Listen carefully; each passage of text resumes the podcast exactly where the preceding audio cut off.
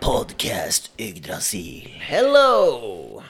Åh, vi kan si det på norsk. Hallo, Ja, folkens.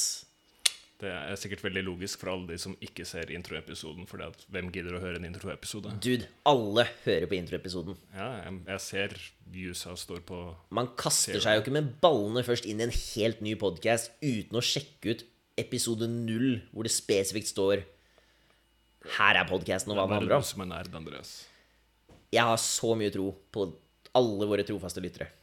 Eh, velkommen til podcast Yggdrasil på norsk. Hallo, Halla. Eh, ja, jeg heter Andreas. jeg heter Mathias. Og vi har allerede, vet kanskje noen av dere, en podcast på engelsk. Men nå vil vi gjøre det på norsk. Og dette er altså første episoden av podcast Yggdrasil på norsk. Jeg sitter her under tvang. Yes. Jeg måtte pushe det gjennom, men jeg tror det kommer til å bli dritbra. All right. Så skal vi bare hoppe i det? Ja. Så er spørsmålet hva skal vi snakke om? Fordi Som vi nevnte i introepisoden, så har vi jo en lang og sterk tradisjon i podkast Yggdrasil for å snakke om det mest deprimerende og provoserende som fins her i verden. Jeg føler at akkurat nå så er det ganske åpenbart hva man snakker om da. Ja, det er jo dessverre det, da. Fordi nå, hva er datoen i dag? I dag er det den 27., er det ikke det? 27. juni 2022. Og dessverre, altså tanken min i hvert fall med å ta det der på norsk, er jo at formatet kommer til å være litt mer sånn at istedenfor at vi tar for oss et spesifikt tema, sånn som vi har gjort på den engelske, at vi heller kanskje snakker litt løst og fast om ting som har skjedd i det siste. Altså den siste uka, siste måneden. Litt avhengig av hva vi føler for. Og dessverre så er ikke juni den lyseste måneden Det er kanskje den lyseste måneden i året, jeg vet ikke.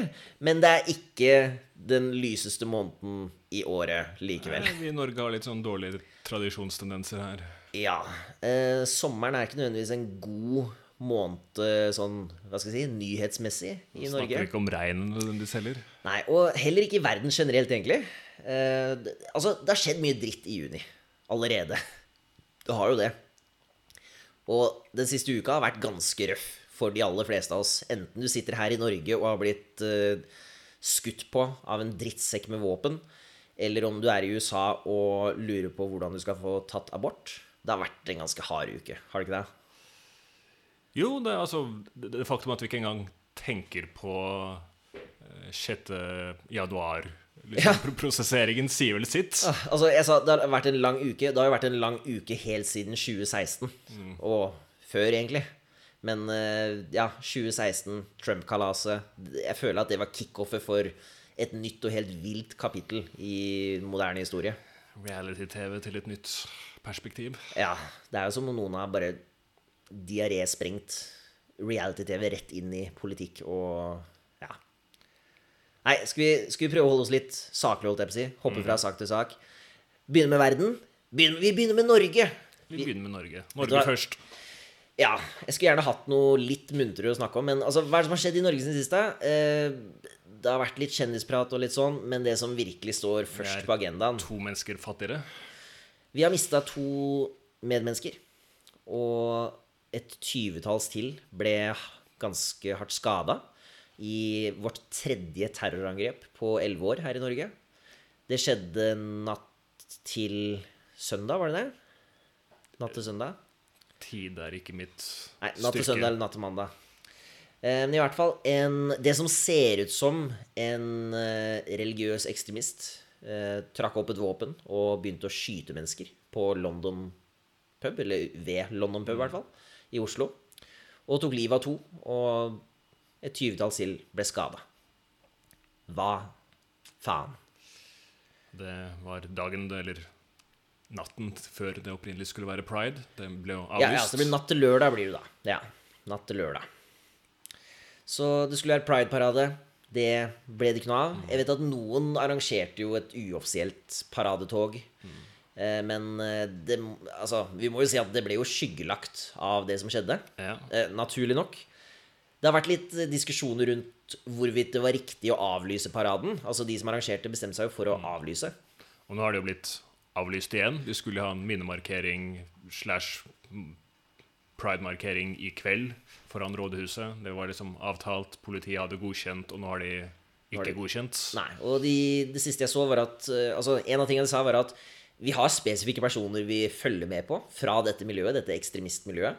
Men vi har bare ikke full oversikt på dem nok til at vi tør å hva skal jeg si, anbefale at folk møter opp i store mengder. Det, det er jo trist hvis vi tenker på etter eh, 22. juli, så var det jo fullt rosetog med Altså en, en veldig Hva skal vi kalle det? Sånn samlende opplevelse for eh, alle som sto igjen. Jeg kan ikke Altså, jeg kan ikke vi, vi bodde jo begge i Oslo på den tida, og jeg kan ikke huske at det var noen sånn stor diskusjon da om skal vi ha denne markeringa eller ikke. Jeg følte at Norge generelt, nordmenn generelt var ganske forente om at Ja. nå går vi i rosetog. Eh, ja, Hva tenker du om det? Altså, Hvorfor er det annerledes nå? For all del, det, det kan jo i teorien alltid være et annet trusselbilde nå, men med tanke på at det liksom er bare noen dager siden PST nedjusterte trusselnivået, så kan det jo ikke være sånn at de trodde at noe skulle komme til å skje. Men nedjusterte som Mener du før dette skjedde, eller? Ja, det var de For det lå på tre, og så gikk det opp til fem etter at det skjedde. Ja, men de, de, de, de kom ut med Var det på sånn to, liksom? Eller gikk de- det fra fire ned til tre? Altså de, de kom ut med en sånn prediction hvor de sa at nå er det mindre sjanse for terror fra islamistiske miljøer. Og det tok disse jævlene som en utfordring. Tydeligvis. Og, og, og for all del, altså det er jo sånn Predictions er alltid predictions. Ting kan skje når det er liten sjanse, og ting kan ikke skje når det er stor sjanse, men allikevel så Altså For all del, det er go- godt mulig at det er en sånn panikksituasjon nå, når de liksom ikke tør å gjøre noe hvis de ikke har full oversikt på noe som helst, men samtidig så kan det jo ikke bli sånn at liksom homofile skal måtte gjemme seg i kjelleren de neste seks månedene til de liksom har full kontroll på alt og alle. Ja, altså, det er jo Altså, terror er terror. Det er samme greia, liksom. Men samtidig så er det jo også noen ganske markante forskjeller ved dette angrepet og terrorangrepet i 2011. Eh, og for det første så har det jo med gruppa som ble Altså, vi antar, vi kan jo ikke si 100% sikkert at dette her var motivert av altså, religiøs ekstremisme eller et spesielt hat mot homofile. Det, altså, vi har ikke 100% dokumentasjon og bevis på det. Han er til gode å bli avhørt. Ja, han har jo nekta å la seg avhøre hvis ikke enkelte krav eh, åh, innfris. Og litt verse. Men, men, men samtidig så var det vel sånn at Nå husker jeg ikke hvor tidlig det rosetoget var, men Det var rett etter. ja, for, for Brei. Breivik holdt jo fast i en kortere periode i hvert fall at det var flere andre grupper som var klare til å slå til. Ja, ja, Så, så så jeg er ganske sikker på at det rosetoget gikk mens den trusselen var mulig. absolutt. Jeg tror bare at eh, Altså, jeg tror bare den hele Altså, en større del av det norske folket var ganske samla om at dette er noe vi må gjøre. I hvert fall hvis man titter i enkelte kommentarfelt. Ja. Eh, Men eh, jeg tror også at eh, Altså, en forskjell, da, her kontra 2011, var det at gruppa som ble angrepet, hvis vi antar at det er altså LGBT som, mål, som var målet Det er en mindre gruppe, det er en minoritet i samfunnet sammenligna med Altså, det jeg tror Altså, det var jo Arbeiderpartiet som på en måte ble eh, fokusert på, og som ble angrepet i 2011. Men jeg tror vel at den jevne nordmannen altså, Vi så jo på det som et angrep på oss og vår væremåte. For motivasjonen hans var jo nettopp å gå til angrep på innvandring og de innvandringsvennlige. Eh, her så har vi en mindre gruppe. Så sånn, med fare for å høre flåsete ut, så burde vi egentlig også ta oss mer nær av dette. For er det én ting nordmenn liker, så er det å gå ut på pub og drikke seg full. Det Og hvis, du, hvis ikke du kan liksom bare gå på en random pub uten å risikere å bli skutt, så det, dette er noe vi burde stå sammen for. Men jeg tror nok det at, det at vi altså, Du nevnte jo så vidt det at liksom, det er ikke alle som er like vennlig innstilt til LGBT-miljøet som disse fuckings kommentarfeltene på noen av artiklene jeg har lest, eh, viser veldig klart og tydelig. Fy fader, for noen råtne folk som finnes der ute. Men eh, som sagt, det er en mindre gruppe. Ikke alle identifiserer seg like sterkt med disse menneskene. Selv om det er medmennesker som bare prøver å være glad i hverandre. Det er ikke så fuckings vanskelig, folkens, å bare ha litt empati. Eh, men jeg tror nok det spiller inn. En annen grunn til at jeg tror at politiet også er litt hardere på å fraråde sånne store samlinger, det tror jeg rett og slett har med det at eh, fyren som gjorde dette her Altså de to forrige terrorangrepene våre, de ble jo begått av etniske nordmenn, begge to. Eh, Det her ble begått av en norsk iraner. Han var jo norsk statsborger, men eh, opprinnelig iraner, så jeg antar at han er innvandrer. Og bare det faktum at det var en innvandrer som gjorde det, altså en, en norsk-iraner, altså ikke en kritthvit, flott nordmann som oss, oss bleikinger, Det tror jeg måtte bidrar til at de også er litt mer forsiktige med å eh, altså, anbefale at folk samles i mengder. Både fordi eh, å, Nå glemte jeg det andre poenget mitt. Men altså, rett og slett fordi Vi har jo sett allerede at eh, kommentarene har begynt å flagre mot islam. Og altså, muslimer generelt har fått mye hets allerede i løpet av de første dagene her nå. Og jeg tror at hvis det skulle skje enda en ting nå, mens vi samles, så tror jeg reaksjonene mot muslimer i Norge ville blitt ganske voldsom. Jeg, så jeg tror at det også spiller litt inn i PST og politiets vurdering når de sier 'ikke samle dere', at de altså Jeg tror det, i hvert fall. At de ikke ønsker en situasjon hvor man får enda en grunn til å hate på muslimene her i Norge.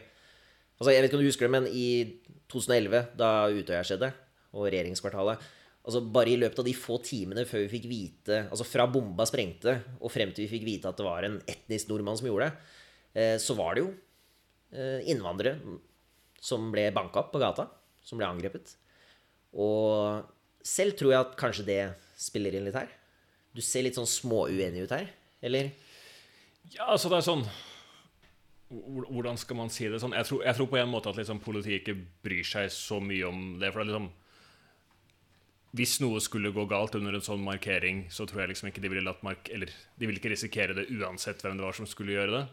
Ikke, ikke, ikke en sånn vi vil passe på dere for, men mer sånn en det ville vært så jævlig pinlig for oss om det skjedde. Du tror det Eh, ligger mer ja, og jeg tror liksom det at altså, Hadde man fått hatt en sånn Men hvorfor gjorde de ikke noe mer i 2011, da? Liksom, Nei, altså jeg tror det var på en måte mer Altså det går mer på det at liksom folk var så klare og tydelige på at liksom dette gjør vi, sånn at de turte ikke gripe inn, eller mer kanskje de ikke de følte det på samme måte. Altså Det kan hende at det spiller inn at det er muslimer nå, men da tror jeg heller det gjør det med at de mistenkeliggjør det mer. Sånn at liksom når det var én nordmann, og de liksom OK, vi, vi tror ikke det er noen flere. Jo da, det finnes jo andre nasjonalister og sånt, men nå snakker du om 2011. ja, så, så brydde de seg ikke så mye om det. Mens her er det mer sånn liksom det at disse rare menneskene med ideer som vi ikke helt forstår, kanskje liksom da, man, man stiller seg Altså Det blir jo feil å si at man ikke skal være liksom redd for hva de kan gjøre, men altså at det er en større frykt mot dem kontra det det vil være fra liksom mer vanlige nordmenn, på samme måte som at i Amerika at man ofte gjerne ser mer mistenksomt på afroamerikanere enn det man gjør på de mer klassisk eh, hvite amerikanerne, enda situasjonen kan være identisk. Der minna du meg på det andre poenget jeg skulle komme med, svar, var det at eh, Altså, for, egentlig tre poenger. Fordi For det første, i 2011 Det var jo det første terrorangrepet vi har opplevd her i Norge. I hvert fall siden Jeg vet ikke om det skjedde noen sånn markante terrorangrep under krigen. Men liksom Vi har ikke hatt noen andre terrorangrep her i Norge i moderne tid. Eh, Så det var første gang det skjedde, og måten det skjedde på, og hvem det skjedde med, og antall mennesker som ble ramma, var såpass ekstremt at jeg tror det sjokka nasjonen vår inn i en sånn Altså, det satte oss i en litt sånn sjokktilstand som Altså, jeg er veldig stolt over hvordan det norske folk reagerte på 22. juli. Eh, at vi samla oss og viste en så stor grad av kjærlighet som vi gjorde den gangen. da. Eh, det overraska meg veldig positivt. Så jeg tror nok at nasjonen ble sjokka. Men så er det også det faktum at selv om Breivik, selv om terroristen fra 2011 eh, gikk ut og sa at ja, ja, vi har flere celler som er klare til å gjøre akkurat det samme i flere steder i Norge og i Europa, så tror jeg ikke de, i hvert fall på den tida, hadde kartlagt det høyreekstreme miljøet på samme måte og i like stor grad som de har gjort det eh, Altså religiøse, ekstremistiske islammiljøet, da. Altså islamistisk miljø. Og der også her så vet vi allerede nå at de har spesifikke personer som de følger med på. De har lister med folk, og de har ansikter som de er ute etter eh, når folk samles nå. Eh, sånn at de har jo et tydeligere bilde av, av at her vet vi at det er folk som er ute etter å Samtidig så kan man jo bruke det som et argument med at da var det også mer uansvarlig å la et rosetog gå hvis Absolutt. man ikke hadde liksom noe intel. Ja, altså, jeg, nå sitter vi jo bare og spekulerer, så, så, jeg vet ikke helt så vil jeg på en måte til syvende og sist si at altså, vi er jo på en måte en liberal rettsstat, som det heter på pent, og at liksom det at noe galt kan skje, kan ikke være en god nok grunn for å eh, putte noe under jorda. Nei, altså, jeg syns ikke at vi burde At vi burde stoppe disse markeringene selv. Eh, det er jo rett og slett bare en Hva skal jeg si Litt sånn mørk, hard sannhet at i denne kampen for rettigheter for folk som ikke har hatt de samme rettighetene som alle andre, så kommer det til å være folk som er imot det. Det kommer til å være sånne råtne møkkafolk som kommer til å kjempe med nebb og klør for å hindre at disse menneskene behandles ordentlig. Og i den kampen så kommer det rett og slett til å medføre blod, for å si det litt sånn Ja. Eh, det kommer rett og slett til å skje at folk blir drept eh, i sånne borgerrettighetskamper, kan vi kalle det det. Mm. Det er en del av greia, dessverre. Eh, Så vi kan ikke Vi kan ikke tre frem nå i åra som kommer i håp Altså, i håpet, ja, men vi kan ikke forvente at det kommer til å gå fredelig for seg resten av denne kampen. Vi ser jo nå at det er fortsatt en kamp å utkjempe her. De, de homofile har jo ikke kommet hit hvor de har kommet nå uten å måtte tåle en god del juling opp gjennom åra. Nei, og det er jo ikke lenge de har hatt de rettighetene de har, heller. Altså, når var det uh, altså, homoekteskap ble lovlig her i Norge? 2009, eller noe sånt? Ja. Ja, det er sånn så vidt Altså litt over ti år siden. Jeg var 19 år gammel.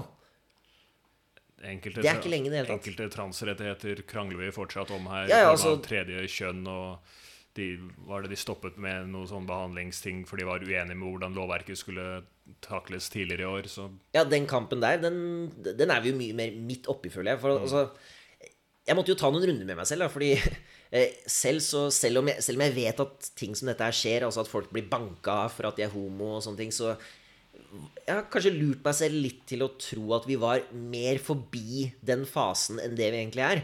Fordi antallet historier og ja, liksom, dokumenterte episoder av vold mot homofile eller andre LGBT-mennesker eh, har jo liksom rysta meg litt, da. For jeg kjenner jo flere som har opplevd vold og sånn fordi de er LGBT. Eh, men likevel så har det på en måte overraska meg litt på en måte, hvor, hvor mye det fortsatt er, da. Eh, og jeg tror kanskje ganske mange nordmenn også tenker litt på samme måten. At jeg er litt ja, er liksom sånn like uvitende som jeg er. Med mindre jeg titter i kommentarfelt eller liksom dykker inn i de landskapene der, så er det ikke sånn at liksom, jeg hører de holdningene fra folk i mitt daglige liv. Nei, nei, du hører jo ikke det på gata, ikke sant? fordi de folka her er jo altfor feige til å si dette høyt. De sitter eller sier det på kafeen på Tveitasenteret, sånn som jeg har måttet kjefte på folk. Det er en del eldre drittsekker der som jeg har havna i munnhuggeri med. Eh, Det handla om litt andre ting, men eh, Men ja, de fins, da. Og det er tydeligvis i kommentarfeltene på VG og sånn at man virkelig får de, for der står de jo frem med fullt navn. Null stress. Husk, vi har jo snakka om det før, at jeg husker jo den gangen Før så var jo alle disse kommentarfeltene sånn at man hadde brukernavn. Du kunne liksom velge brukernavnet ditt. Jeg tror kanskje du kan det, jeg tror du kan det på VG-nett nå, faktisk. Eh, men det var vel en periode Det kom et tidspunkt hvor avisene sa at Hei, vet du hva? Nå skal vi endre reglene for kommentarfeltene. Nå skal vi gjøre det sånn at du må kommentere med fullt navn. og da satt Andreas der og tenkte at Hei, nå tror jeg folk kommer til å skjerpe seg rett og slett av frykt for å bli igjen Altså for å You sette sitt fulle navn på ting. Ja, for det viste seg å være helt feil. Folk har null problem med å sitte og si og skrive de hesligste, jævligste tinga i de kommentarfeltene. Det er folk som sier men jeg kan søke opp på Facebook og få full info om. Ringe til. Og de har null problem med å sitte og snakke om hvordan alle disse homsene har avvikende seksuelle legninger. Og, altså, du skulle sett de tinga de skrev. Avvikende seksuelle legninger. Ja, jeg, det var jeg som linka det til deg. Ja, liksom, jeg, jeg, trodde, altså, jeg trodde ikke at folk sa sånn, skrev sånne ting engang. Jeg. jeg trodde i hvert fall at de hadde fornya homohatet sitt. Ja, eller, altså, Oppdatere OS-et deres, liksom. jeg, ville trodd at det var en sånn Jeg liker dem ikke, og de skulle holde seg roligere, men jeg kan forstå det nå etter dette type holdning. Men det var liksom Nei, fuck dere, dere er problemet. Ja, det var sånn, Den artikkelen du linka meg, var jo fra Noman Mubashir, er det ikke det han heter?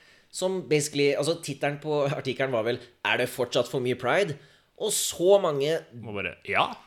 rasshøl i de kommentarfeltene bare 'Ja, det er altfor mye pride'. Det var en som kommenterte at du, du kan jo ikke stole på hva han her sier, for han er jo homo. Ja, ja det, det, altså at de kjører sånn Hva var det de kalte det? Altså, ja, homopropaganda. Og denne type svart-hvitt-artikler trøkker ned samtalen med dette her. Det er sånn svart-hvitt, som i Så du ikke blod i gata? Eh, Ja, liksom Hva mener du med svart-hvitt-artikkel? Det er sånn Ja, på den ene siden så har du de som ønsker eh, Ønsker rettigheter og generell medmenneskelighet overfor ja, medmennesker. Og på den andre siden så har du folk som bare hater. Og tydeligvis er veldig ukomfortable med den ene gangen for ti år siden hvor de hadde en våt drøm om en stiv pikk. som tydeligvis gjør dem så ukomfortable fortsatt da, at de må spre dette hatet sitt i kommentarfelt. Jeg trodde jeg kunne være idiot når jeg hissa meg opp. Og, og det kan jeg jo. Jeg har lest noen av de kommentarene dine. Ja, ja. Det Men, Men, skyldig eh, at de kanskje ikke er der lenger. Nei, nei, det er scrubba, selvsagt. Jeg har leid inn et firma til det. To firmaer. Nei, så ille er det heldigvis ikke. For all del, det, det, er jo, det er jo ikke sånn at det liksom er 50-50 i fordelingen her. Enda, det var jo omtrent 90-10 i det kommentarfeltet, men Det var overraskende mange ufolk, ass. Ja.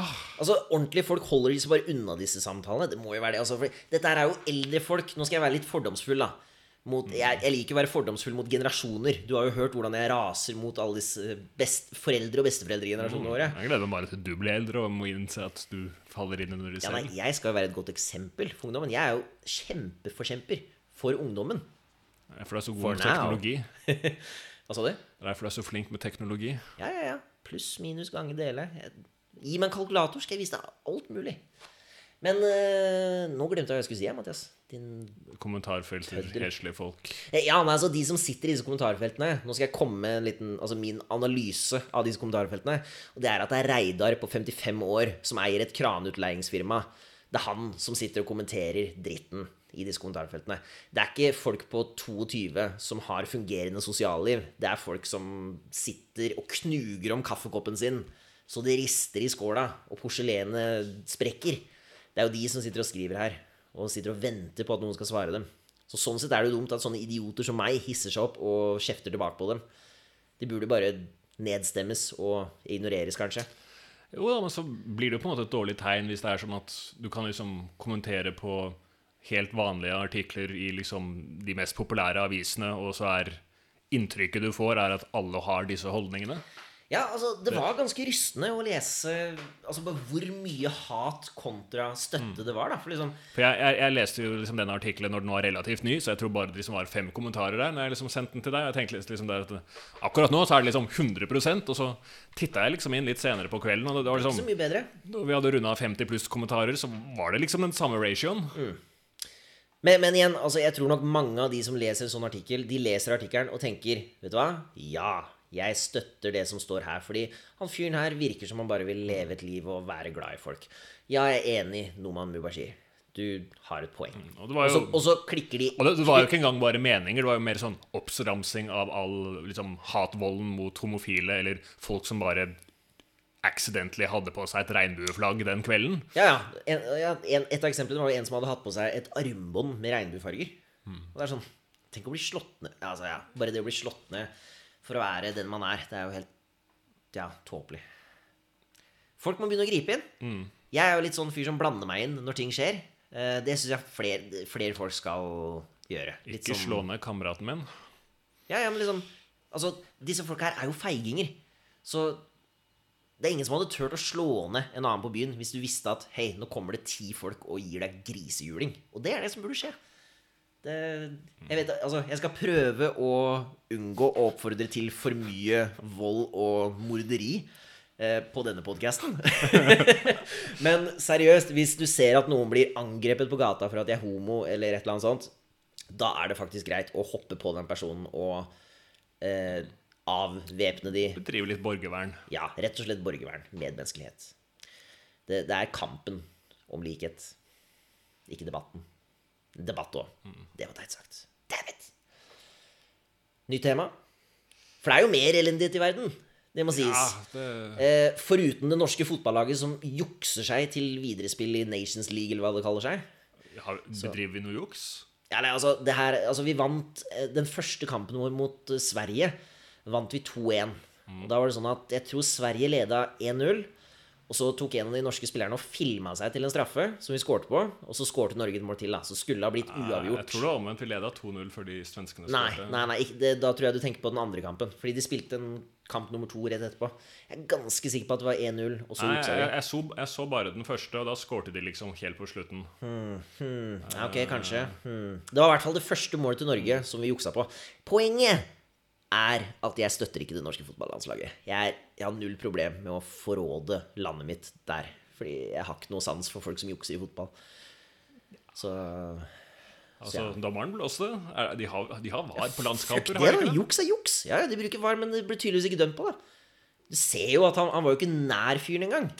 Uten at vi skal henge oss opp i en fuckings fotballkamp. Men nei, fader Viktig diskusjon, Andreas. Nei, men jeg husker for sånn 10-12 år siden så vant Norge en eller annen kamp, da. Vi, ja, for vi spilte jo mot Slovenia eller et eller annet sånt. Vi gjør jo bare det. Det er bare tre lag i hele verden vi spiller mot. Det er Brasil i 1998, så er det Slovenia og San Marino. Kanskje vi er heldige å få spilt mot Danmark et par ganger. Det høres ut som Europa. Ja, ikke sant? Men jeg husker at det var en kamp hvor Hva var det han het? Søderlund, tror jeg vi har en spiller som het eller heter. Og han juksa seg en straffe, da. Eller et eller annet sånt. Og så husker jeg at han gikk ut etterpå og bare Åh, dette var det viktigste jeg har gjort i karrieren min. Da satt jeg og skamma meg. Og så krangla vi så busta føyk på kontoret. Andreas er sånn at hvis, liksom, hvis ikke noen brakk beinet, så er det ikke straffe. Nei, du skal i hvert fall være nær spilleren. Nei, fair play. Fair play. Men altså, fair play er jo ikke forenlig med Fifa, da. Så, og fotball. Nei, det er det er, derfor vi har en uh, fotballpresident som sitter i Norge nå. Og ikke, Ja. Eller hun er vel teknisk sett i Sveits, tror jeg. Men uh, hun Ja, hun skulle, skulle få et nytt fly. Eh, Hun skulle bli som en dag forsinka, var det jeg forsto, da. Men det, dette har ikke noe med hennes uttalelser å gjøre. Nei, lover eh, for, for hva, er det, hva er det du har sagt igjen? Husker du noe mer ordrett? Altså, det, det har vel ikke vært noe veldig drøyt? Hun har bare stilt noen spørsmål Ja. rundt behandlingen Hei, det er kanskje ikke ok at folk dør, og ta bedre vare på folk. Ja, og jeg tror det hun har fått bråk om, var vel med Fordi slavearbeidet som står bak OL, eller bak VM, det har jo ingen noe problem med. Altså, det er ingen som bryr seg om det, virker det som. Men sånn jeg forsto det, så gikk vel reaksjonene mot henne på dette med behandlingen av eh, LGBT og altså homofile under VM. Fordi, ja, jeg tror så sent som nå nylig så Så sent som nå nylig. Nylig så var det noen som hadde blitt nekta et hotellrom fordi de var homofile, tror jeg. Og det blir jo pusha under teppet, fordi Ja, og man For all del, man skal ikke si altfor mye stygt om disse hotellene, for de holder jo til i et land hvor disse tingene er forbudt, så Ja, ja, absolutt. Men, men altså, det er jo helheten i dette her vi reagerer på. Eh, Vi burde jo ikke hatt en dritt med det. altså, for alle, Det er jo ingen fare for at Norge kommer med i et VM noen gang, så sånn sett kan vi ta det helt med ro. Men uh, ja, jeg syns jo at vi burde tatt mye sterkere avstand til hele arrangementet. Ja, nei, det er jo det som er problemet når vi lar nasjoner sportsvaske dem selv. Liksom. Det er bare å se på hvor det har vært VM de siste årene. Ja. Det, Russland, liksom. ja, Ja. ikke Det er så mye tull med sånne ting. Altså, det er jo penger, da. Korrupsjon. Eh, Det, er, det, det der er en streng dere kommer til å høre oss spille på mange mange ganger. Altså, men det er jo sant, da. Det aller meste av ondskap og dritt her i verden, det koker ned til penger. Eh, penger er drivkraften bak veldig Altså, mye. bare, de bare ga noen gaver. Ja, bare noen gaver. Ja, nei, så ja. Så jeg skal ikke følge fotball-VM. Jeg anbefaler alle som hører på, ikke følge med på fotball-VM i år. Det, altså, det er mye man burde droppe. Jeg burde ikke sett på OL i år heller. Det, men dropp fotball-VM, vær så snill. Det, det spilles i et land hvor det ikke er fysisk mulig å spille fotball halve året. Og det er ikke Norge engang. Det er, ja, nei, ja. det er liksom motsetningen av Norge sånn sett. Men ja. Ellers, jeg tror ikke Norge har hatt så mye annet å by på enn den elendigheten vi har snakka om. Altså. Det, er liksom, det er terror og fotball. Det, Det, det ene er verre enn det andre. Men eh, i USA så har det jo skjedd ting, da. For eh, vi har jo visst lenge at juni kommer til å bli en sånn killer-måned. Ja, altså på mer enn én måned, om man ikke dessverre. går ut og skal feire rettighetene man har, så kan man jo miste dem. Ja, for uh, hvor mange var det egentlig som forventa liksom, for fem år siden at i dag så kommer vi til å ha en situasjon hvor typ halve USA ikke kan ta abort lenger? Det er jo helt galskap. Ikke bare det, men altså at de allerede nå har begynt å legge lista med at liksom homofilt ekteskap, prevensjon Homofil sex i det hele tatt? Altså, Eller ho- utenomekteskapelig sex? Ja, altså Same sex relationships i det hele tatt Mm. skal bare altså, fordi, ja, Bare for å gi en kjapp oppdatering for de som ikke følger Fordi selv så følger jeg mye med på nyheter fra USA. Det er ikke alle som følger like nøye med, og det forklarer en del ting. Fordi selv så sitter jeg og er veldig opprørt over hva som skjer der borte, i og med at Norge er så tett knytta til USA på så mange måter. Vi tar jo veldig Altså Norge og USA er veldig forskjellige land sånn kulturelt, men vi tar jo veldig mange føringer fra USA likevel. Altså vi eh, Det er ikke ofte at Norge knytter neven mot USA. Vi, vi bøyer oss frem og sier 'takk, har du mer'? Og derfor så syns jeg det er litt viktig at vi også sier klart ifra når ting skjer i USA som ikke er forenlig med verdiene våre. Og der har vi mista mange muligheter de siste åra. Holy Moses. Så for de som er out of the loop, da Så i løpet av den siste uka nå så har altså Høyesterett eh, bestemt at eh, den kjennelsen, altså den rettskjennelsen eller den dommen, eller altså den rettssaken, da, som er grunnlaget for abortrettigheter i USA, Roe versus Wade Som Høyesterett selv avgjorde for 50 år siden. Ja, for et fem, ja 50 år siden. Ja. Eh, Litt over 50. ja, hvor Roe fikk medhold, var det vel. Og ja, det la som sagt grunnlaget for at abort skal være en rettighet du har under visse innskrenkninger. Altså, det har jo fortsatt vært ganske restriktivt, avhengig av hvor du befinner deg. Eh, frem til dette her så har det fortsatt vært dritvanskelig å skaffe seg abort, avhengig av hvor du bor. Noen, gang, noen steder så er det bare ett abortsenter i en hel stat. For de gjør jo sitt for å forby det, eller for å forhindre deres økonomiske muligheter. Ja, og de har heller ikke gjort noen ting for å beskytte de som utsettes for trakassering og angrep Eller blir skutt på. ja, utafor disse abortklinikkene, f.eks. Så det har alltid vært Altså, det har alltid ligget på lur under overflaten. Eller ikke under overflaten engang. Det har vært veldig tydelig at USA har et seriøst problem med sånn kristofascisme når det kommer til eh, eh, Når det kommer til kvinners rettigheter og Ja, altså rettigheter generelt, da. Men nå har de altså bestemt at hei, nå har dere ingen føderal, altså landsdekkende beskyttelse mot statlige bestemmelser, da. Altså, nå kan en stat bare bestemme at hei, nå er det forbudt. Og det tror jeg flere stater har gjort allerede. Ja, det er jo sånn fem stater som har hatt lover klare som er sånn Trigger laws, eller hva de kaller det. Forsvinner, lovverket, så insta går dette i kraft. Ja, jeg tror de kaller det trigger laws, som liksom er at, ja, som du sier, at med en gang den kjennelsen fra Høyesterett kom, så sto de klare med lovgivning. Som kanskje er et tegn på at de har vist at dette var på vei uansett. Selvsagt har de det, fordi Høyesterett består av ni dommere, og per i dag så er det seks av de ni som er ultrakonservative. Altså høyre Ytre høyre, kaller jeg det. da. Altså Alt i USA er jo nesten ytre høyre i forhold til her i Norge. Mm. Jeg tror ikke folk flest skjønner sånn akkurat hvor ekstreme disse folka er. Fordi vi har det så komfortabelt der. Men det er faktisk gærninger som bestemmer i USA. Altså kristenfundamentalistiske ekstremister. Det er gærninger som bestemmer der borte. Og altså, bare for å gi et eksempel. Han som på en måte Altså, den av de høyesterettsdommerne som har stått litt sånn i spissen, og som har skrevet den offisielle altså, teksten som Eller hva skal jeg si uttalelsen fra Høyesterett i forbindelse med dette her, eh, Clarence Thomas Han som har gjort sin del av gruppearbeidet. ja, altså, men kona hans har jo vært en stor og aktiv deltaker i kuppforsøket som var 6. januar. Liksom, hun har stått i ledtog der og har prøvd å presse ja, flere dusin eh, politiske representanter til å liksom til å ikke vedkjenne seg valgresultatet fra 2020. Altså, hun har stått i spissen for kuppforsøket. Så virkelighetsoppfattelse står sterkt i den familien. Ja. Så Høyesterett, en rett bestående av masse katolikker Jeg tror ja, en, veldig mange av de er katolikker. Og en av de har vært med i en kult. Hun siste dommeren som ble bekrefta der, Amy Coney Barrett, tror jeg hun heter. Hun har vært med i en legit kult. Liksom Handmaidens Tale-kult. Eller Handmaid's Tale. Det er jo åpenbart det de jobber for. Ja, ja, altså, det er jo det Vi har på en måte sagt det siden 2016, siden republikanerne nekta å vurdere dommerforslaget til Obama. Eh, at det er det her de prøver på. De jobber seg mot å bli kvitt abort. Men så tror jeg ikke folk har helt tatt det 100% seriøst at det er en reell mulighet for at det skjer. Og nå har det skjedd. Eh, det var tydelig at det kom til å skje, men jeg tror ikke folk har tatt det helt på alvor. Altså, Folk føler seg nok litt hjelpeløse. Sånn liksom Ja, man blir litt sånn nummen av tanken på hva som kommer, tror jeg. Altså, Det er litt vanskelig for oss å sette oss inn i hvordan det føles å være amerikaner som lever under altså, systemet de lever i hver dag. Land of the free, home of the Ja, brave. vi liker jo å innbille oss selv at vi veit mer og bedre enn alle andre. Og det gjør vi jo selvsagt. Vi er jo dritsmarte. Spesielt her. Ja, ja.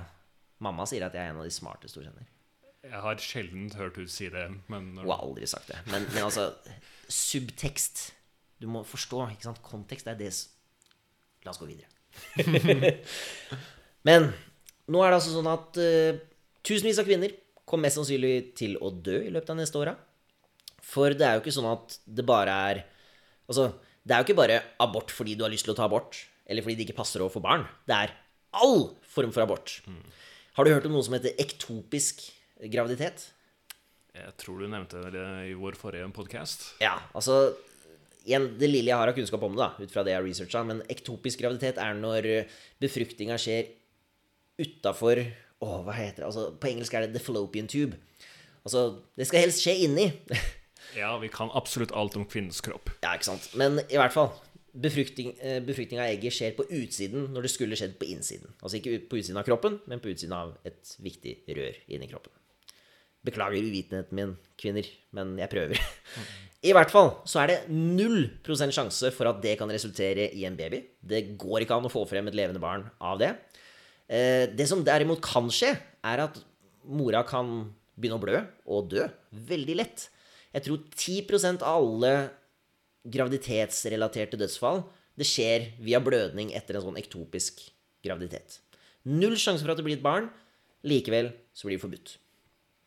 Så hvis du er så uheldig og Det høres jo ut som Guds vilje, da. Ja, og jeg tror at uh, tallene på hvor mange det var, det var litt sånn diffust, men jeg, altså, jeg leste 1 av 50 graviditeter er ektopisk, og jeg leste at 1 av 100, så et sted mellom 1 og 2% av alle graviditeter er altså ektopiske. Men det er fortsatt et par prosent for mye.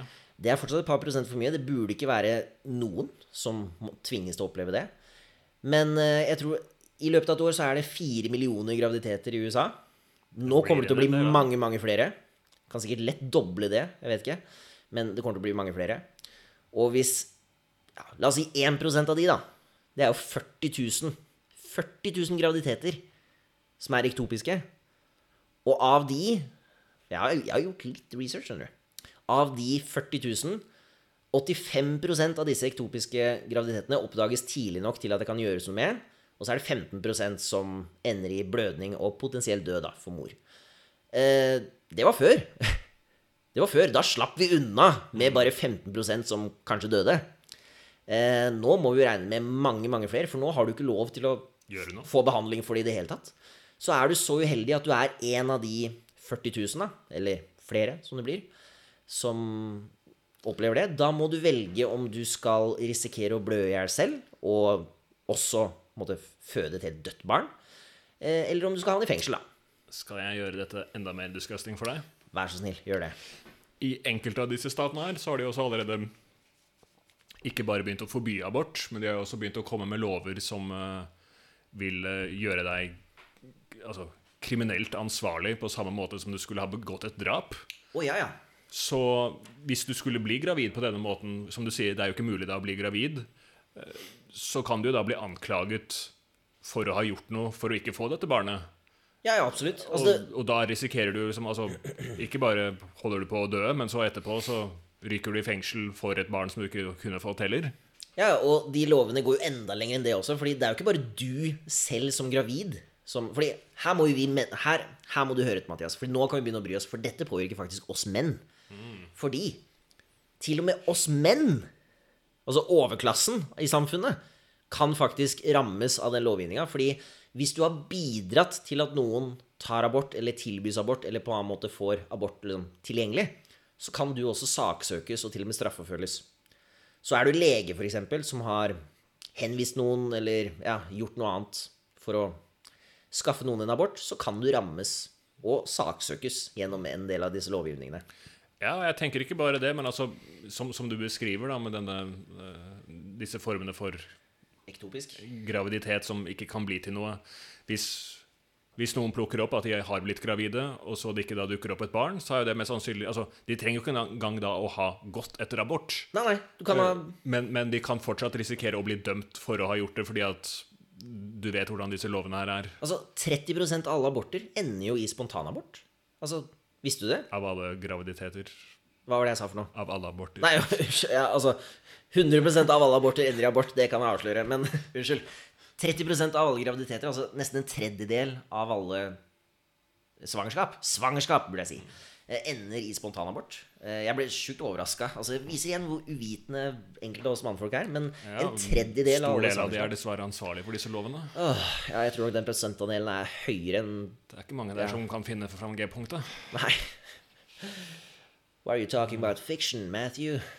That's not a thing.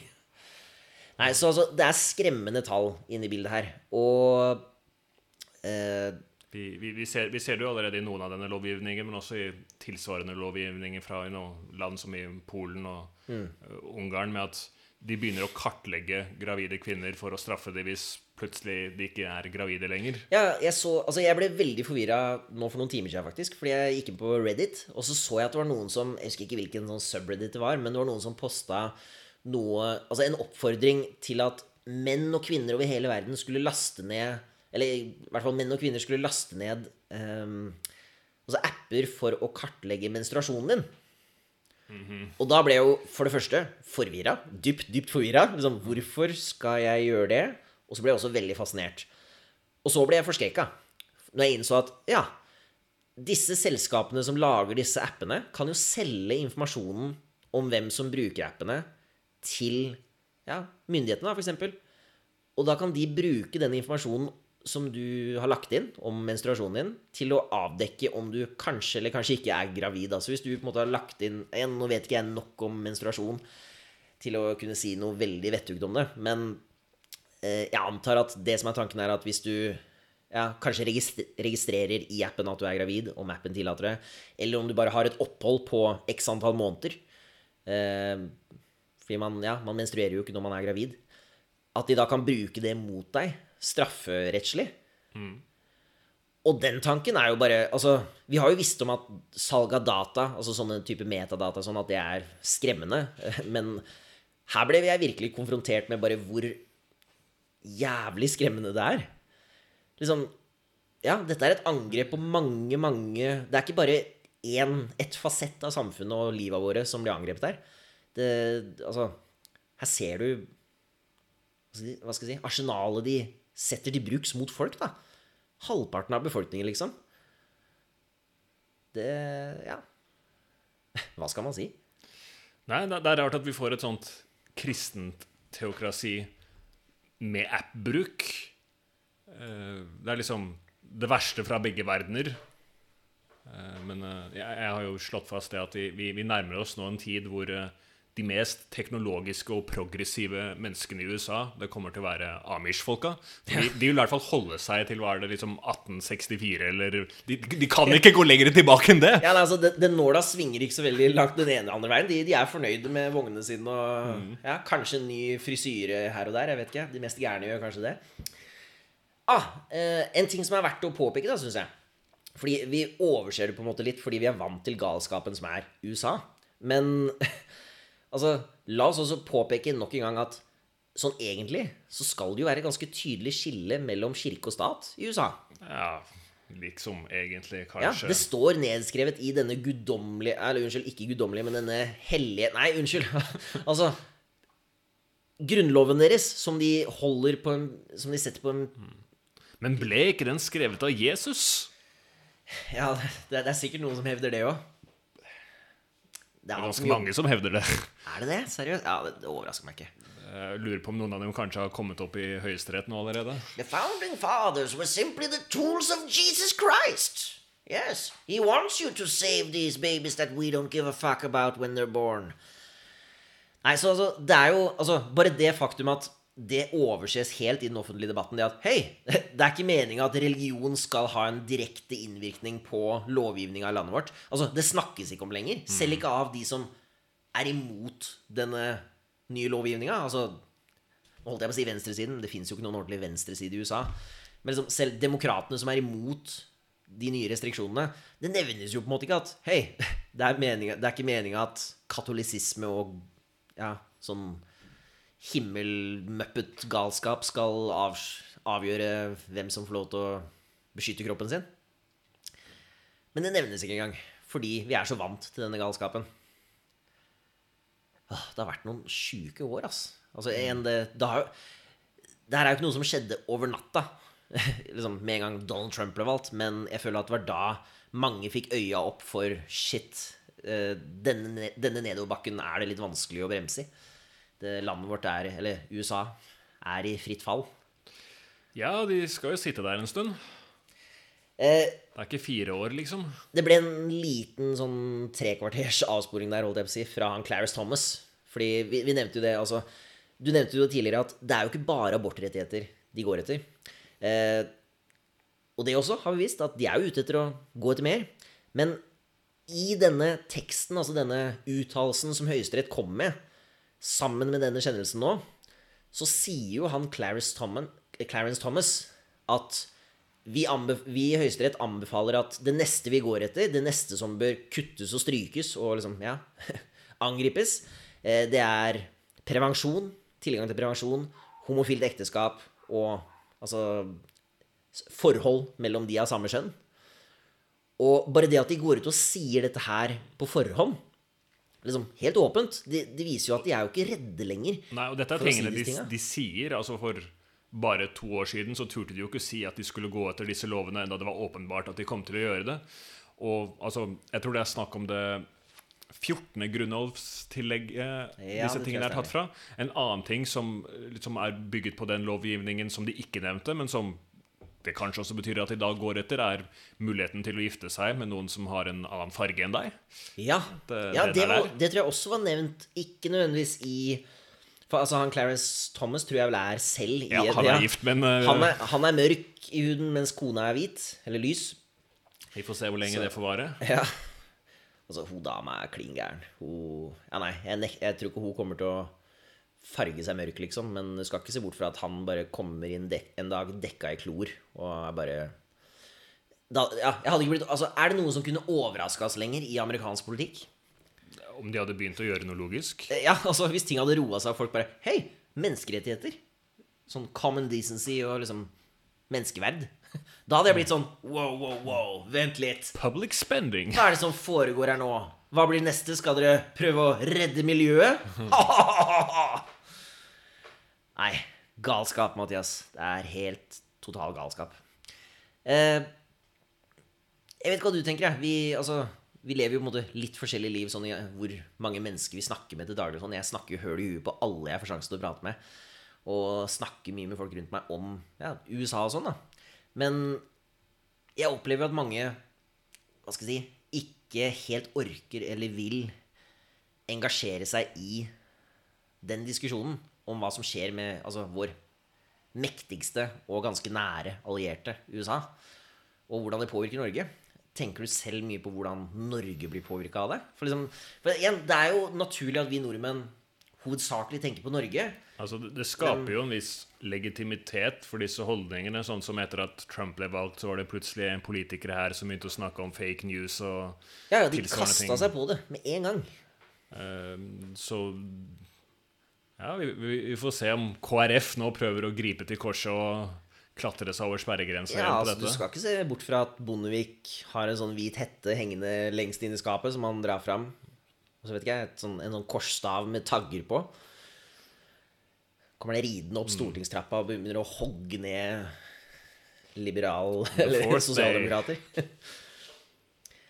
ja Ellers, bare sånn for å holde oss på galskapens toglinje, så har vi jo denne Altså kuppforsøket fra i fjor. For det er jo fortsatt relevant. Det pågår jo høringer akkurat nå. Eh, January 6th-kommisjonen gjennomfører høringer og intervjuer folk og ja, avdekker en del ting, da. Kan man vel si. Ikke, har du fulgt nøye med på det? Ja, jeg har fått overskriften i hvert fall. Ja. Jeg har ikke og sett, Jeg har ikke hatt mulighet til å se på alle sendingene. Men eh, de tinga som kommer frem, er jo Juicy. Ja, det Ja, det var en måte å si det på. Fy fader. Det Igjen, jeg tror ikke folk helt skjønner det at Altså greier å akseptere Eller ikke akseptere, men liksom tro helt på det at en ganske anselig andel av Ganske stor andel av de valgte representantene der borte, de høyeste folkevalgte representantene, har vært delaktig i et faktisk kuppforsøk i USA. Eh, Jeg vet ikke med deg, men jeg har vært ganske konsekvent på å kalle det et kuppforsøk. Fordi det var jo det. Selv om høyresiden er borte, eller ytre høyresiden, de jobber knallhardt for å prøve å Altså, eh, hva skal jeg si, gaslighte oss. Altså prøve å Legitim politisk handling. Ja, hva var det de kalte det? Altså, de, de mente at de gikk ut og sa at ja, nei, det, dette her, dette, denne hendelsen 6. januar, det er et uh, legitimt politisk uttrykk. Eller uttrykk, legitimt uttrykk for politiske meninger. Og det er jo ganske sjukt. Og, og nå, nå når uh, alle demonstrasjonene mot den nye abortlovgivninga har begynt, så, så prøver jo høyresiden desperat å male dette som eh, det, altså, på engelsk 'insurrection'. Altså De prøver å bruke de samme orda om dette, om pro eh, protestene mot eh, abortlovgivninga, som eh, orda som blir brukt om kuppforsøket. For det er det samme å stå i gata og rope slagord på å storme et parlament. Ja. ja, apropos det. Jeg vet ikke om du så det, men eh, altså Har du merka en forskjell i mobilisering fra myndighetene 6.1 kontra i dag? Wow. eller? For liksom, På Her var det 6. januar så sto enkelte av politifolka og de som jobba der, de sto og åpna porter og sånn for disse eh, angriperne. Eh, og ja, altså Det var ikke Altså, de, de som faktisk prøvde å forhindre at folk brøt seg inn på Capitol, i Capitol-bygningen, de ble jo beordra til å ikke ha skarpvåpen og til å Altså, de ble, de ble sabotert, da, før før dagen. Altså av folk Ja, høyt oppe i altså, systemet. man kan jo si at de politiet som var der, prøvde å holde dem tilbake, men når du er så underbemanna, så er det begrenset med hva slags taktiske avgjørelser du kan ta. Ja, altså, folk i Det hvite hus Jeg tror Mark Meadows tror jeg han heter, han som er liksom chief of staff. Jeg husker ikke hva det heter på norsk, men høyt, høyt oppe i systemet, veldig nært presidenten, hadde beordra at Capital-politiet 6. januar ikke skulle ha sånn opptøyer Altså sånn right, right gear. gear. Sånne ting. Og altså, de hadde blitt beordra til å ikke benytte seg av en god del utstyr som de desperat hadde trengt den dagen. da. Men nå, når det blir Nå er det bare å vente at de kjører ut tanks, liksom. ja, altså, De kom marsjerende ut som altså, Det eneste de mangla, var brune skjorter, liksom. Og de kommer marsjerende ut i fullt utstyr med tåregass og skarpladde våpen. Og er helt klare, ser det ut som, til å begynne å plaffe ned de som skulle prøve å sette fot nærmere høyesterettsbygningen eh, Eller Capitol-bygningen. Ja, og flere av dommerne er visst allerede forflytta på trygge steder. Ja, det tror jeg er lurt. Sikkert seks av dem, i hvert fall. Ja. Ja, for det var vel 6-3 som var stemmen. Ja. antar jeg. Så ja. Så, så Som jeg nevnte deg tidligere, så en litt interessant ting som har kommet frem, og som jeg er veldig spent på, er dette med Fordi altså Jeg tror helt ærlig at en av hovedgrunnene til at kuppforsøket ikke direkte lykkes den dagen, og til at uh, Altså til at Trump-administrasjonen har feila i en del av de power grabsa de har prøvd seg på, sånn som Ukraina Da, de, da han prøvde å utpresse Zelenskyj eh, og Uk Ukraina for å få skitt på Biden. Jeg tror at en hovedgrunn til at det på en måte ikke har vært så vellykka, det er rett og slett bare at de har vært så sjukt dumme, de folka som gjør dette her. De har vært så inkompetente. Inkompetanse på høyt nivå. Ja, og altså, det er jo ironisk passende for USA, føler jeg, at inkompetanse er det som har redda USA foreløpig. Eh, men eh, det har kommet frem at eh, eh, Jo, fordi denne kommisjonen, da, denne 6. januar-kommisjonen og disse høringene som pågår En av disse høringene tror jeg måtte avlyses eller utsettes. Og begrunnelsen som var oppgitt, var at vi har rett og slett mottatt så mye bevis at vi må tygge litt mer på dette her.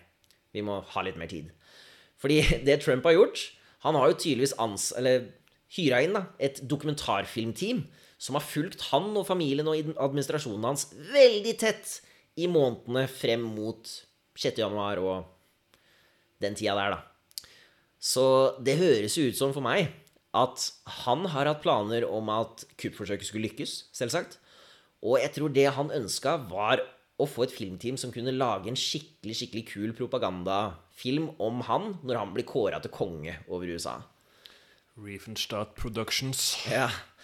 Og altså, baksiden av denne medaljen, da, for Trumps sin del, eh, det er jo det at eh, kuppforsøket mislykkes, og nå har denne 6. januar-kommisjonen Litt for Fått- mye videobevis. Ja, nå har de fått tilgang på en god del videobevis som Altså, hvor mye tro har du på at uh, Trump og folka hans har greid å holde kjeften lukka nok til at de ikke har sagt noe på kamera som de kan tas for? Ja, altså de, de er liksom ikke kjente for å holde, holde kjeften og pokerfjes når det kreves. De velger ikke orda sine med omhu, Mathias. Det, altså, det er ikke Det er Eh, Du, du snakka jo om planlegging tidligere. Altså, Jeg tror ikke vi skal ta noen notater fra Trump-administrasjonen, da, for å si det sånn. Nei, det er liksom litt mer I am Iron Man. Ja. Så spørsmålet blir vel heller Kommer det til å få konsekvenser? Fordi altså, Jeg har full tro på at det fins mer enn nok bevis. Vi har jo, altså Veldig mye av dette skjedde jo offentlig. Det er bare det at har blitt, det har blitt så normalisert, denne oppførselen, over de siste åra at det blir ikke tatt tak i. Ja, nei, Spørsmålet er vel er om der. Justisdepartementet tar tak i den. Ja, og For det, det, det er de som jeg gjør det på. må- må- på dette tidspunktet. Det er vel er det det er han Garner, er det ikke det, som uh, Hva for noe? Var det han? Garland, ja. Garland som holder på? Eh, Det er jo samme fyren som Altså, det som Vi nevnte jo at uh, republikanerne blokkerte liksom, høyesterettsdommeren som Obama nominerte. Og det som skjedde, var at det ble et ledig sete da Obama var president. Og han ville nominere en som het Merrick Garland. Eh, han var en fyr som republikanerne selv hadde sagt at Hei, han kommer aldri til å nominere han, en fyr som han. Og så tok Obama og sa ok, da nominerer jeg han. Og så tok likevel republikanerne og nekta å gjennomføre høringer på han da, og få han bekrefta. Fordi det var et valgår, var liksom unnskyldningen. Og så ble det en annen, en, altså en ny høyreekstremist, da, som en ultrakonservativ, som ble satt inn i hans sted da, eh, da Trump vant. vant.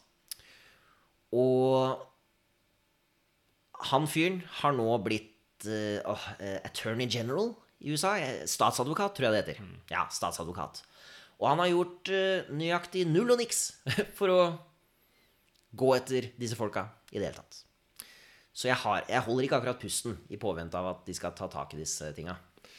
Nei, altså det, Så vidt jeg forstår det, det, det meste som uh, liksom Senatet og det liksom jeg kan gjøre der, er at de kan, de kan sende en oppfordring til Justisdepartementet. Så de, de er jo på en måte avhengig av at noe skal skje i den, den, den enden hvis noe juridisk faktisk skal komme på plass her, istedenfor bare at de politiske blir enige med å si 'nei, dette var dårlig gjort av deg'. Um, og det leder jo liksom ikke akkurat noe sted. Så vi, vi får håpe at enda det ikke ser ut som det, at det jobbes i kulissene der. I hvert fall med tanke på alt dette som plutselig veltes ut på bordet. Ja, altså Det må jo Altså, det er skummelt å si det, fordi det er ikke nødvendigvis sånn at det blir sånn. Men det må jo skje noe.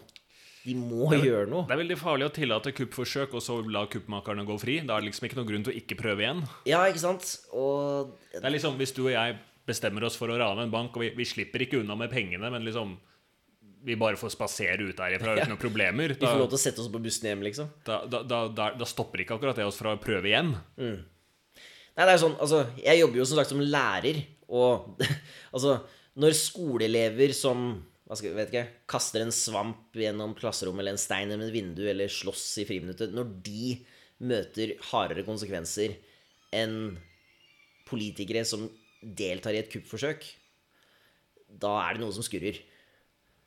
Og ja Huh. Jeg skjønner at folk blir slitne, jeg, Mathias. God uke. Ja, altså, jeg skjønner at folk blir slitne, og jeg skjønner at folk ikke har lyst til å kaste seg inn i disse diskusjonene når det er ganske tungt. Det, det er helt forståelig, men Altså, det er jo ikke noe gøy å snakke om heller, men det er litt viktig, altså. Og ja, jeg håper jo at neste uke kan gi oss litt hyggeligere ting å prate om. Mm, Sånn Eh, valper som overtar verden, eller noe sånt. Åh, tenk for en verden, Mathias. Tenk for en verden. De ville styrt bedre i USA. Ja, absolutt. Putt en schæferhund inn i De, de burde bare gjøre sånn som de har gjort i sånn enkelte sånn små landsbyer der, hvor de bare har latt liksom en katt eller noe sånt forbli bli ordfører. Jo, jeg vet ikke om du husker det, men eh, under forrige fotball-VM så var det Nei, i fot... Når var det Tyskland arrangerte fotball-VM? 06? 06? Ja? ja, det tror jeg stemmer. 06. For 2010 var vel Sør-Afrika, var det ikke det? Ja. Og 2002 var Sør-Korea. Ja, 06. Og da var det en uh, blekksprut ved navn Otto. Jeg vet ikke om du fulgte han? Jeg, var, vel- jeg liker Otto. For han var blekksprut eh, i et akvarium, og han var dritgod på å på sånn å forutse hvem som skulle vinne de forskjellige VM-kampene. Han var skremmende effektiv. Og for da slapp de Jeg tror de slapp eh, Ja, da slapp de vel ned steiner eller noe sånt som hadde flagga malt på seg til de to landa skulle spille. Og så valgte Otto en stein, da. Han valgte riktig nesten hver eneste gang. Han var dritflink. Og Otto kunne jeg godt tenkt meg å se i ledersetet. Han eller Bernie. Han eller Bernie Sanders. Jeg, jeg vet ikke hvem av de som skulle vært visepresident, men de to sammen, en collab der, det, det tror jeg kan funke. Eventuelt deg og meg, da. Fy fader, tenk hva vi hadde fått gjort, da. Vi hadde, vi hadde blitt myrda før vi hadde fått satt oss en gang, vi. Ja, vi har vel sånne issues med at vi ikke er amerikanskfødt og en del sånne Ja, men det fikser vi. Kan laste ned en PDF av noe fødselssertifikat. Altså, Hvis Trump kan stå på nasjonal TV og redigere værvarsler med en Sharpie-penn, da skal jeg faen meg kunne ja, bruke paint til å gjøre oss til amerikanere. kulturelt amerikanere. I'm gonna appropriate them. All right. Er det noe mer som har skjedd denne siste uka, eller? Det, det har på en måte vært det her som har fanga oppmerksomheten min. Jeg har vært så mye i Danmark. Ja, nei, altså det, det eneste mer er at jeg har måttet lide meg gjennom den Obi-Wan-serien. Men eh, Ja. det, det begynner kanskje å gå ut, utover Men eh, altså, jeg syns allerede podkasten er mørk nok. Vi Ja. trenger ikke å snakke om hvor ræva Star Wars har blitt. La oss spare det til en Ja, pass på at folk har fått rydda vekk barberbladene før vi begynner å snakke om det. Det Uff. Dark times, dark times. Dark times indeed. All right. Da tror jeg vi takker for oss og sier takk for at dere hørte på første episoden av podkast Yggdrasil. Eh, vi skal prøve å være så aktive vi kan. Ta gjerne og Sende inn litt respons og tilbakemeldinger. Det er lov å kjefte. Vi er veldig glad i kjeft. Vi elsker å krangle og påpeke hvorfor dere tar feil. Eh, hvis ikke dere har skryt, da, for da har dere jo selvsagt helt rett. Vi er veldig glad i skryt også. Så tja Skal vi si at vi runder av der, Mathias? All right. Takk for oss. Vi snakkes.